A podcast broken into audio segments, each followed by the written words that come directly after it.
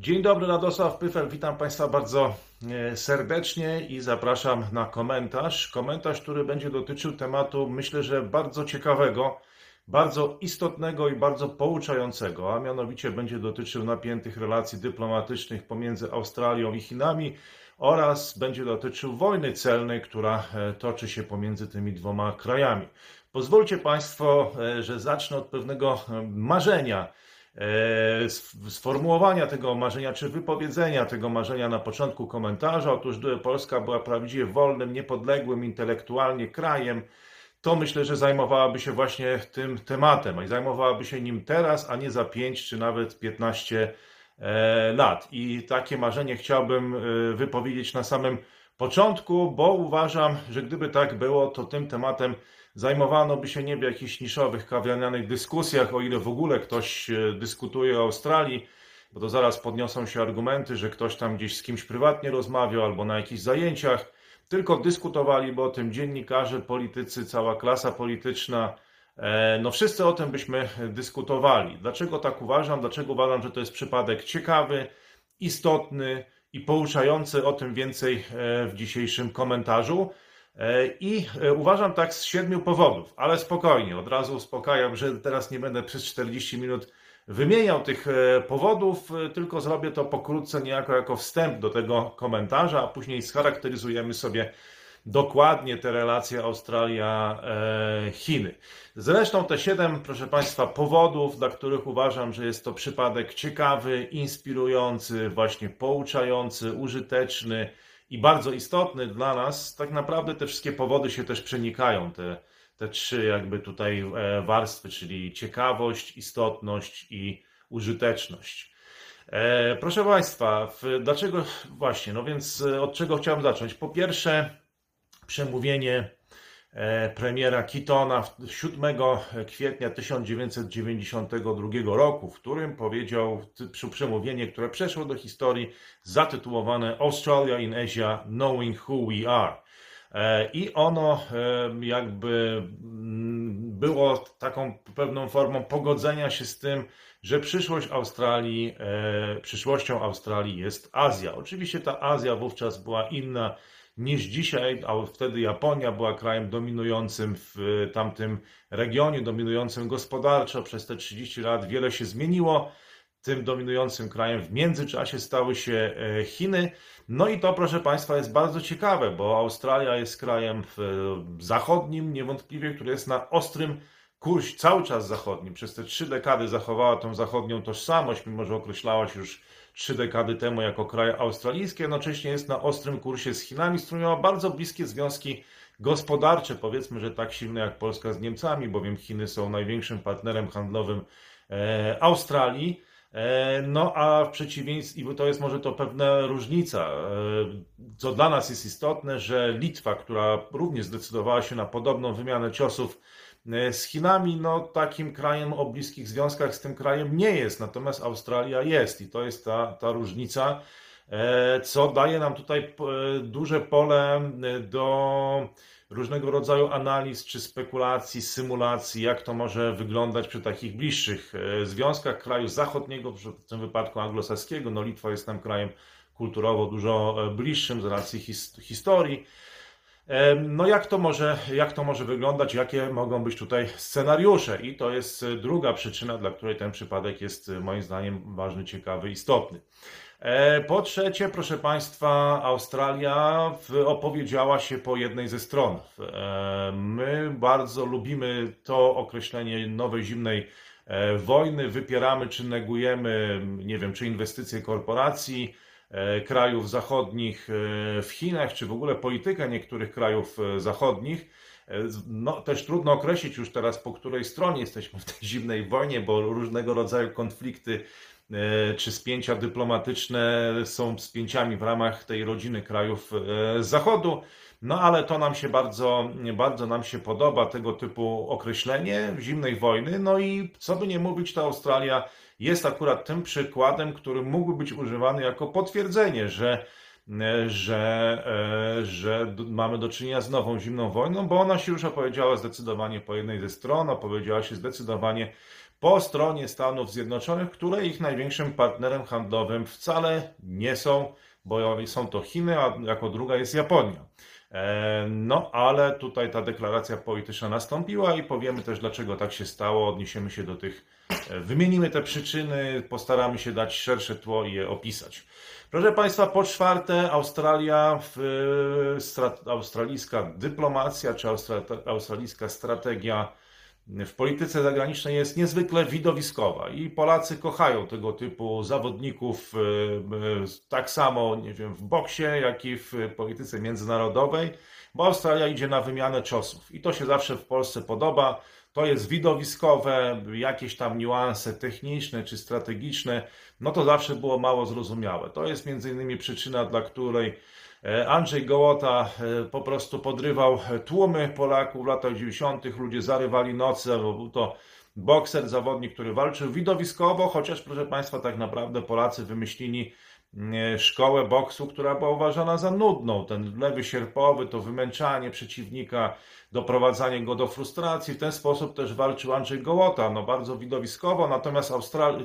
ale, bardziej, ale bardziej widowiskowo i i to się bardzo Polakom podobało i w tym sensie Australia, która również proponuje tutaj żywiołowy boks, idzie na wymianę ciosów e, taką bezpośrednią z Chinami, no to na pewno podoba się polskiej e, publiczności i to jest bliskie takiemu polskiemu myśleniu o, o relacjach międzynarodowych. To myślę, że też było przyczyną, dla której Polacy tak, i elity polskie tak bardzo pokochały Donalda Trumpa i ta postawa Australii na pewno tutaj musi E, się podobać. I proszę Państwa, po piątej Australii wcale no, nie wyśmiewam czy nie depresjonuję, chociaż ona postępuje zupełnie inaczej niż Japonia, bo e, omawialiśmy też i tutaj zostawię Państwu link, jak Japonia zachowuje się w tym koncercie Mozart. I ta strategia Japonii jest bardzo wysublimowana.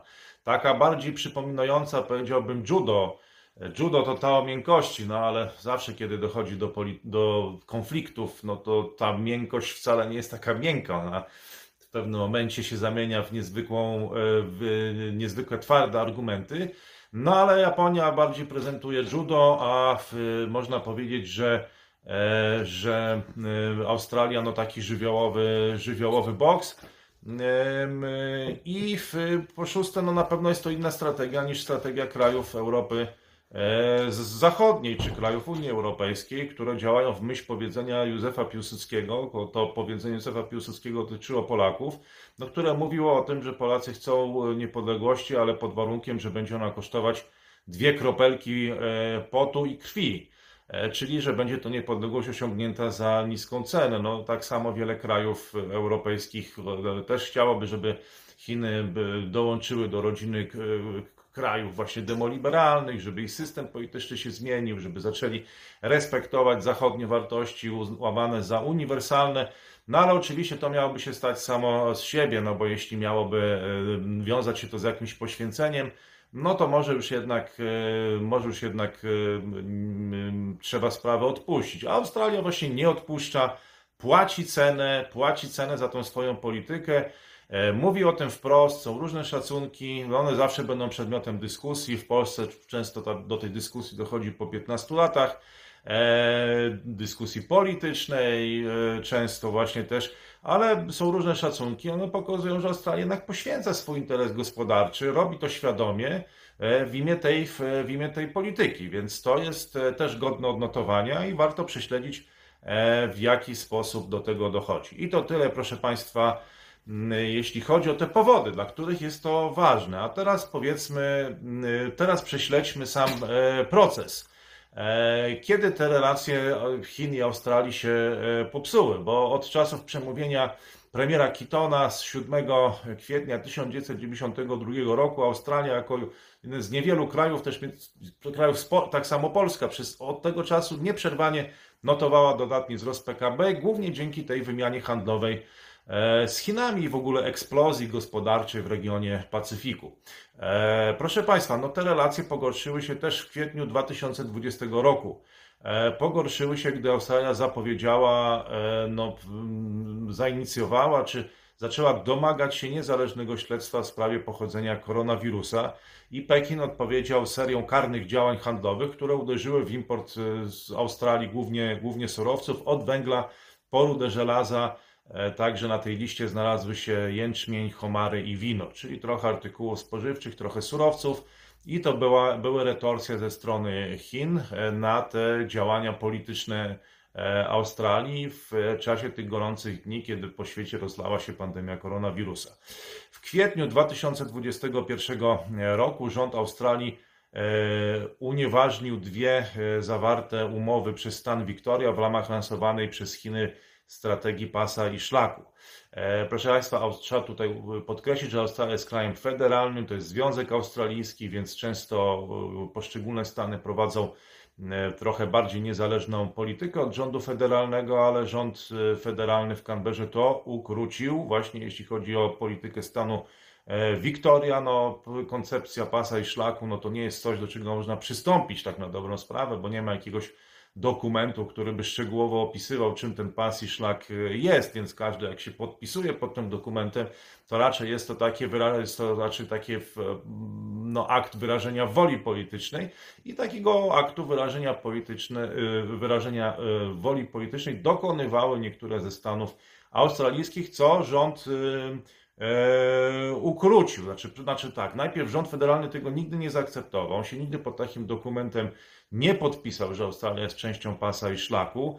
E, kolejnych trzech premierów odmawiało podpisania tego dokumentu. Tony Abbott, o którym jeszcze wspomnę, Malcolm Turnbull i Scott Morrison, obecnie urzędujący premier. Wszyscy wywodzili się z tej samej liberalnej partii Australii. Nikt tego dokumentu e, nie podpisał, ale poszczególne stany aż do przyjęcia ustawy z 2020 roku, która tego zakazała, Mogły to robić i stan Wiktorii zawarł takie porozumienia, podpisał takie dokumenty z Chinami w 2017 i w 2019 roku poparcia, jakby wyrażenia politycznej woli poparcia dla projektu pasa i szlaku.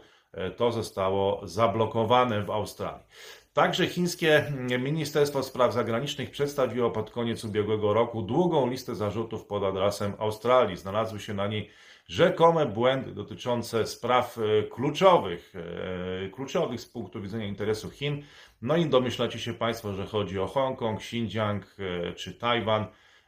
W tym także napiętnowano działania podejmowano, podejmowano w Radzie Praw Człowieka ONZ oraz wsparcie dla idei członkostwa Tajwanu w WHO, czyli dotykano tutaj wszystkich takich najbardziej bolesnych punktów, co ostatnio też czyni e, Japonia, jakby, która jako pierwsza wyraziła poparcie dla aplikacji Tajwanu do e, Trans-Pacific Partnership, zaraz po tym, kiedy tą aplikację złożyły Chiny, więc e, mówi się o tym, że tą postawę Japończyków pod, po, poprze również Kanada i pewnie poprze, e, poprze Australia. No, będzie wielka awantura z Chinami kontynentalnymi, z Tajwanem w tle wokół jakby tej, e, wokół jakby tej e, organizacji. Na początku e, maja tego roku władze Chin ogłosiły również bezterminowe zawieszenie strategicznego dialogu gospodarczego z Australią w związku z obecną postawą, którą nazwano zimnowojennym sposobem myślenia.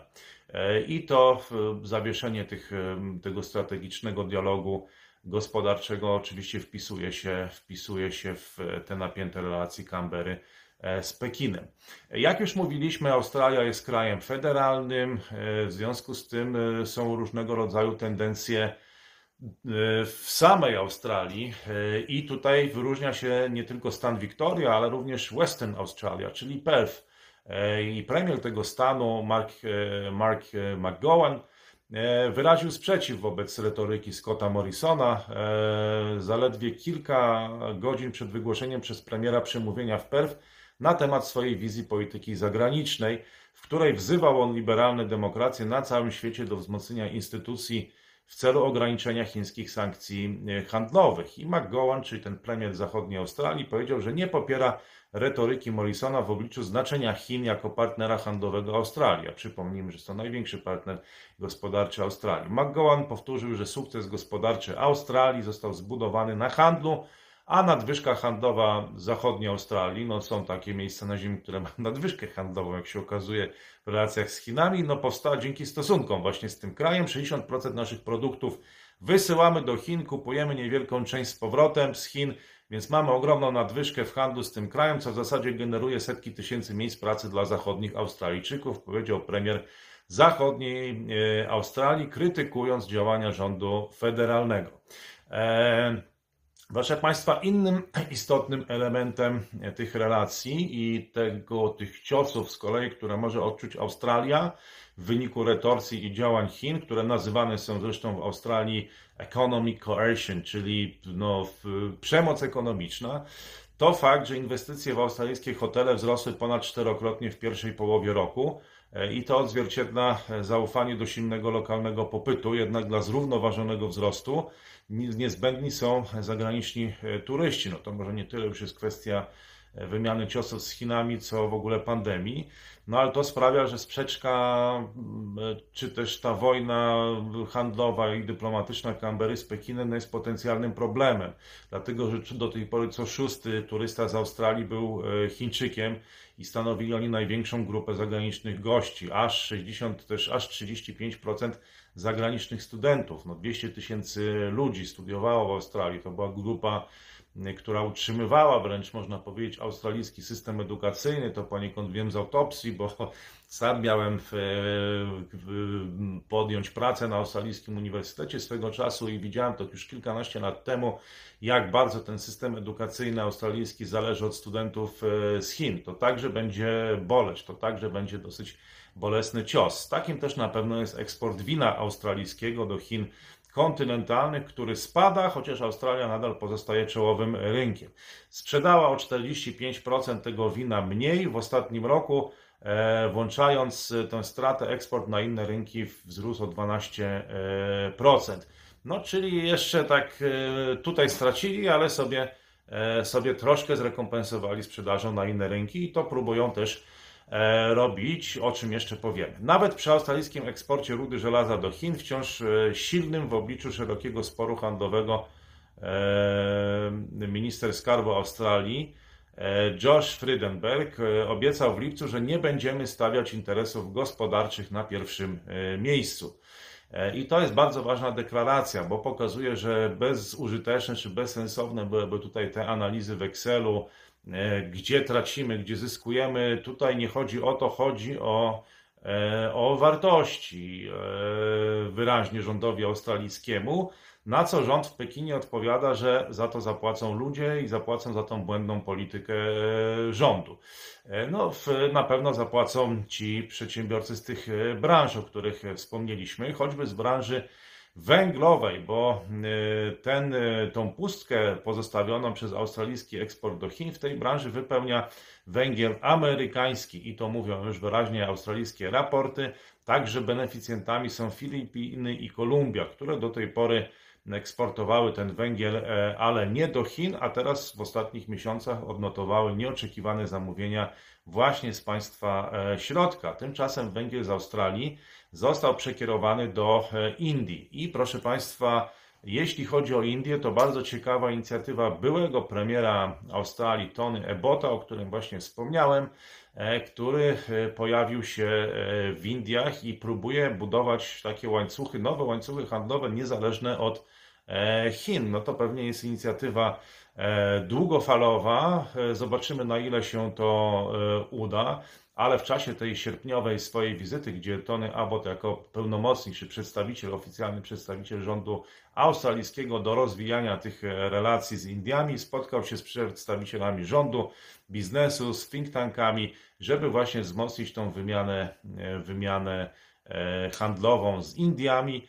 E, i nie szczędził, e, nie szczędził tutaj też i ostrych e, słów.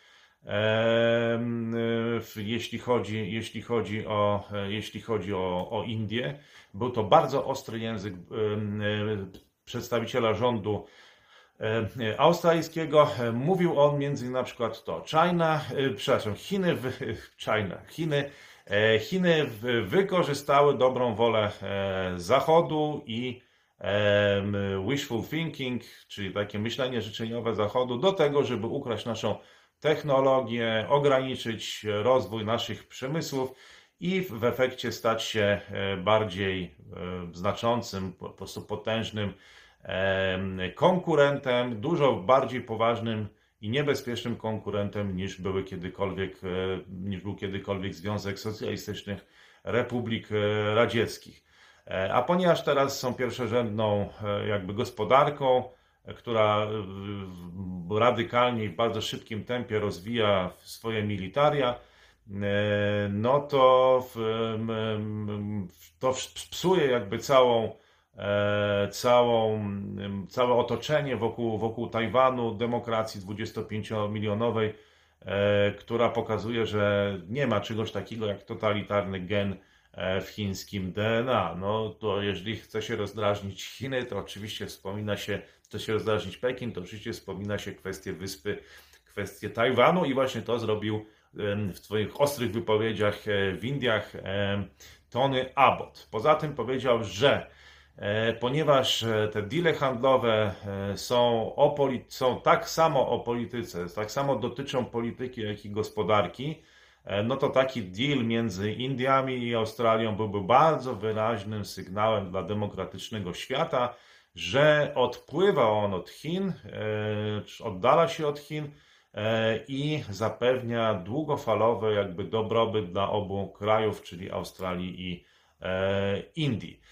Podkreślając, że Indie są siódmym co do wielkości partnerem handlowym Australii, tam jest roczny obrót około 30 miliardów E, dolarów e, e, i powiedział, że no problem z Chinami jest konsekwencją tego jakby wolnego świata, który zaprosił komunistyczną dyktaturę do globalnych łańcuchów dostaw i do globalnego handlu. I tym samym właśnie tym samym właśnie ten deal między Indiami a Australią był bardzo ważny, bo pokazałby zachodniemu światu, czy też tutaj się nie używa świata zachodniego, to troszeczkę inaczej niż w Polsce, bo w Polsce to mówi się o zachodzie, a tutaj się mówi o świecie demokratycznym, który miałby odpłynąć właśnie od, e, od Chin. E, I, w, no, I Indie tutaj miałoby być almost every question e, about China is India. Answer, answer to almost every question about India is China. Czyli odpowiedzią na wszystkie pytania dotyczące Chin miałoby być e, Indie. E, I w, jest to, leży to w interesie wszystkich, żeby Indie zajęły tutaj właściwą, właściwe stanowisko w tej sprawie. Jak najszybciej się to tylko, e, jak najszybciej się to tylko e, da. Proszę Państwa, no, to mogło się spodobać elitom indyjskim. To na pewno było bardzo przyjemne. Wszystko to, co mówił Tony Abbott, E, no tylko pytanie, co wskórał, tak na dobrą sprawę. No i okazuje się, że może takie łatwe i tak szybko te Indie e, tego poparcia Australii nie udział, chociaż to na pewno się bardzo podobało, co mówił były premier i oficjalny przedstawiciel rządu australijskiego, ale powrócono do rozmów e, Comprehensive Economic Cooperation Agreement, chyba tak to się nazywa, CECA, czyli CECA e, która te rozmowy, proszę Państwa, toczą się już od 10 lat, od 2011 roku. Powrót do tych rozmów nastąpił w zeszłym roku, kiedy to premierzy Modi i Morrison e, no, uzgodnili, że będą starali się to porozumienie w tej sprawie osiągnąć. Początkowo e, była to część tego traktatu RCEP, czyli jego Regional Comprehensive Economic Partnership, który został E, zaaprobowany przez 15 krajów Azji i między innymi Australia też i Nowa Zelandia się pod tym traktatem podpisały, Indie się z niego wycofały. E, no i tutaj e, rozmowy zostały jakby wskrzeszone między Australią a Indiami. No przedmiotem sporu do tej pory była tradycyjnie protekcjonistyczna polityka Indii. No nie jest to kraj, który jakoś entuzjastycznie się otwiera i otworzyłby się na australijski biznes. No ale może, może właśnie ta kwestia wartości Indie tutaj e, przekona. Natomiast niechęć e, Australia za niechęć Indusów z tego, z podobnego powodu, no, czy swojej restrykcyjnej polityki wizowej, że nie chce przyznawać dużo, e, dużo wiz Indusom po prostu. No i zobaczymy, czy to porozumienie zostanie osiągnięte. Tutaj warto się temu przyglądać. E, e, proszę Państwa, bardzo ciekawa jest również, aha, no, y, mało mówiłem o opozycji w Australii. Ona oczywiście istnieje wobec tej e, polityki. Istnieje coś takiego w Australii jak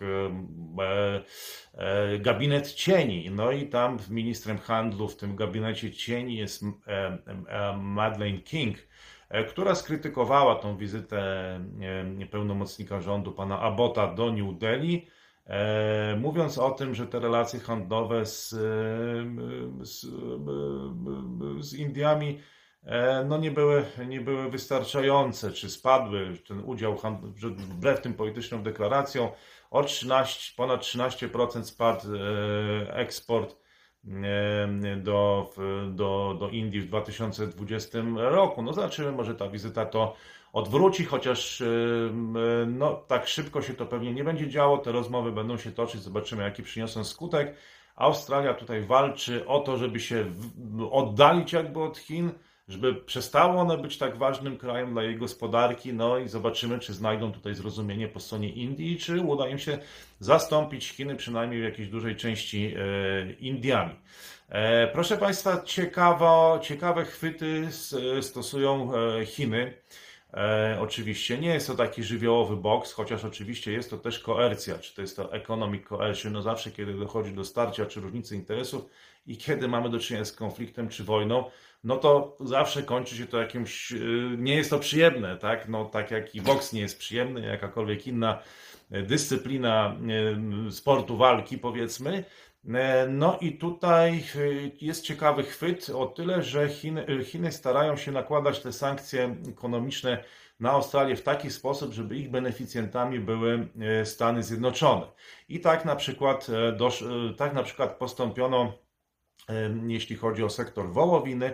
W efekcie nakładanych na Australię chińskich sankcji, to USA stały się, znaczy zdecydowanie zwiększyły eksport mrożonej wołowiny do Chin i stały się największym dostawcą e, tego produktu na rynek e, chiński. I tutaj kilka liczb. E, w kwietniu USA wyeksportowały mrożoną wołowinę do Chin za 68 milionów dolarów, Australia 80 milionów dolarów. Maj. Stany Zjednoczone już wyprzedzają Australię. Stany Zjednoczone 90 milionów dolarów wyeksportowanej mrożonej wołowiny, Australia 47 milionów. Lipiec USA 107 milionów dolarów wyeksportowanej mrożonej wołowiny do Chin, Australia 35 e, milionów e, dolarów. E, no, w ten sposób, używając tych chwytów e, Chin, e, wyrafinowanych, wysublimowanych, Chiny chcą zademonstrować nie tylko economic coercion, czyli nie tylko tą przemoc ekonomiczną, E, no ale, ale też, e, też e, chce zmusić beneficjenta do reakcji, czyli Stanów Zjednoczonych, żeby te, nie wiem, no, odmówiły eksportu może tej wołowiny albo węgla na przykład do Chin, no, rezygnując z tego. Ale nic takiego się nie dzieje.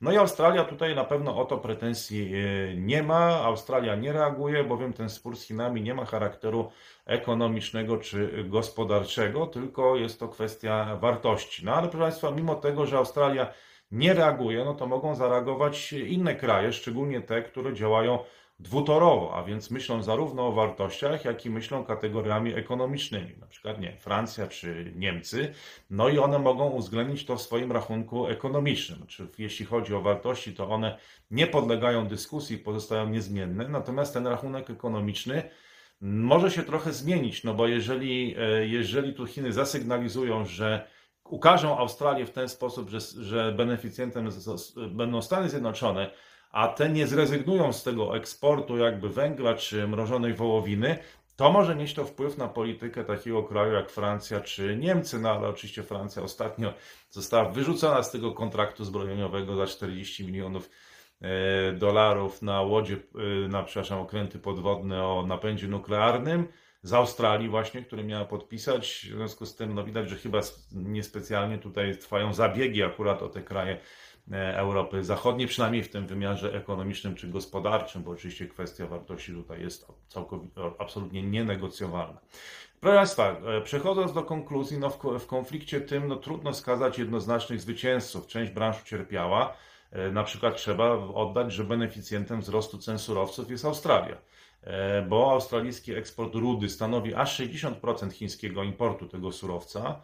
E, I w takiej skali no, Chińczycy nie mają alternatywy, więc te ceny gwałtownie urosły i tona metryczna rudy żelaza była warta ponad 170 dolarów. Osiągnęła najwyższy poziom od 2011 roku, gdy w maju było to zaledwie 80 dolarów. I tutaj Chiny przyjęły ten cios, no też ten cios jest dolegliwy i też płacą jakąś cenę. No zawsze tak jest w, w tego typu w, sytuacjach konfliktowych. Chiny odpowiadają też za 35% australijskiego handlu, to ponad trzy razy więcej niż w przypadku drugiego największego partnera handlowego Japonii, Canberry. No, podczas gdy Australia tak naprawdę odpowiada tylko za 4% chińskiego handlu. Czyli tutaj jest 35% y, Chiny stanowią dla Australii, a Australia dla Chin tylko 4%. No to tak możemy się iść na wymianę ciosów. E, w tym wypadku no Chiny są troszeczkę chyba lepsze jednak e, pozycji y, ustawione do tego typu wymiany ciosów i wojny, e, wojny celnej. Proszę Państwa, różne są szacunki, jak już wspomniałem, według Citibanku na przykład nie biorąc pod uwagę efektu wzrostu cen, australijski eksport do Chin mógł spaść przynajmniej o 10%, a to przekłada się na utratę 0,33% PKB. No więc jednak nie tak, e, nie tak dużo. Zobaczymy, jak ocenią to wyborcy, no bo to zawsze jakiś tam wpływ ma na życie ludzi, którzy dostają po kieszeni. E, e, ale to nie byłaby jeszcze jakaś taka strata duża. Jeszcze, ale inną perspektywę przedstawia Western Australia University i Australian National University, że gdyby nastąpiła mało prawdopodobna eskalacja konfliktu, czyli jeszcze gdyby on eskalował i przyniósł restrykcje w stosunku do 90% eksportu do Chin, to wartość PKB Australii zmniejszyłaby się o 6% a dochody do dyspozycji per capita spadłyby o 14%, dochody budżetowe. W przypadku Chin natomiast oznaczałoby to spadek o 0,5% PKB, no też całkiem sporo, więc Chiny no jednak na 0,5% spadku to chyba sobie tak za bardzo nie mogą pozwolić i 2,4% niższe dochody. Znaczy pewnie Chiny mogą sobie pozwolić, no ale, ale byłoby to jednak, no jednak już, już, już byłby to znaczący ubytek i znaczący cios. Całkowity koszt chińskich działań antydumpingowych wobec Australii może wynieść 2,5 miliarda e, dolarów w okresie 5 lat. Wynika też z nowych badań australijskich organizacji branżowych. E, no więc jak będzie, zobaczymy. W 2018 roku Chiny były największym odbiorcą australijskich towarów, czyli jeszcze przed czasami koronawirusa, kiedy to trwał ten Dolce Vita i rozwój handlu australijsko-chińskiego, który zakończył się tą ostrą, ostrym konfliktem politycznym, dyplomatycznym właśnie. Wtedy Chiny były największym odbiorcą australijskich towarów, trafiała, trafiała do nich ponad 1 trzecia całej sprzedaży zagranicznej, czyli 87 miliardów e, dolarów. Najważniejsze australijskie towary eksportowe to były paliwa i minerały. 20% e, aż australijskich paliw i minerałów, głównie węgiel i ropa, zostało kupionych. 75% australijskiej rudy żelazy, 28% złota, ale też 16% mięsa, właśnie wspomnianej wołowiny i 35% wina. No, to były duże ilości. Australijczycy się z tego cieszyli, że ten biznes się tak kręci. E, no a w, potem w 2020 roku wszystko się zmieniło. Chiny są w umiarkowanym stopniu zależne od Australii. Pochodzi z niej tylko 5% importu, w tym 6,5% sprowadzanych paliw i tylko 0,5% elektroniki. To są dwa główne towary importowane przez Chiny. Jedynie pod względem dostaw ród, żela, ród metali Australię, Australię bardzo ciężko zastąpić, bo ma prawie 40% udziału, choć chińskie huty i tak większość ród e, pozyskują, e, pozyskują w kraju. No ale tutaj ta wymiana ciosów z Australią może być e, dolegliwa. Proszę Państwa, czas na już ostateczne banały, bo kilka z tych banałów było w trakcie tego komentarza, ale jeżeli czujecie Państwo niedosyt, to Was uspokoję, że teraz banalne pytanie na koniec i banalna konkluzja.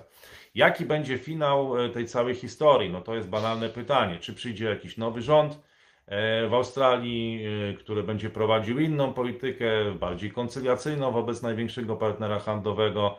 E, zobaczymy, no, co, co zrobią USA. Na razie zaoferowały ten pakt obronny, czy militarny, czy wojskowy, jak, bez, czy pakt bezpieczeństwa, jakkolwiek go nazwiemy, no i zaoferowały to okręty podwodne o napędzie atomowym.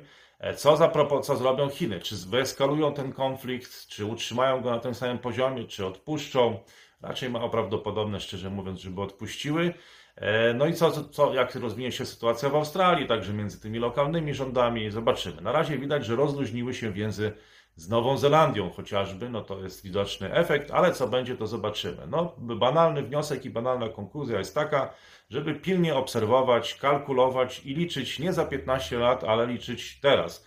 I my to będziemy robić na webinarium właśnie w Azjatycki Wiek. Rozmawialiśmy o Australii, będziemy rozmawiać, bo uważam, że to jest że to jest e, kwestia istotna, kwestia ciekawa, ale też i bardzo pouczająca. I to pouczająca teraz, a nie za 15 e, lat. I to jest ta banalna konkluzja. E, Na seminarium czy webinarium jeszcze zapraszam. Tak samo i tutaj nawet bardziej na e, chiński e, biznes, w jaki sposób e, rozmawiać z osobami z Azji, z Pacyfiku, bo to też jest już bardzo ważna kwestia dzisiaj. Dzisiaj to Państwo wyprzedzacie czas, a za ileś czas będziecie ten czas e, stracony gonić, zwłaszcza, że przed nami e, jesień. Jeśli nie chcecie Państwo siedzieć w domach, no to zapraszam e, na kilka tych weekendów. E, Jeszcze stacjonarnie jest to możliwe, żeby brać udział w tych zajęciach, ale oczywiście jest możliwe też branie udziału w tych zajęciach online, nawet z Australii czy Nowej Zelandii. Proszę Państwa, to na tyle, jeśli chodzi o dziś.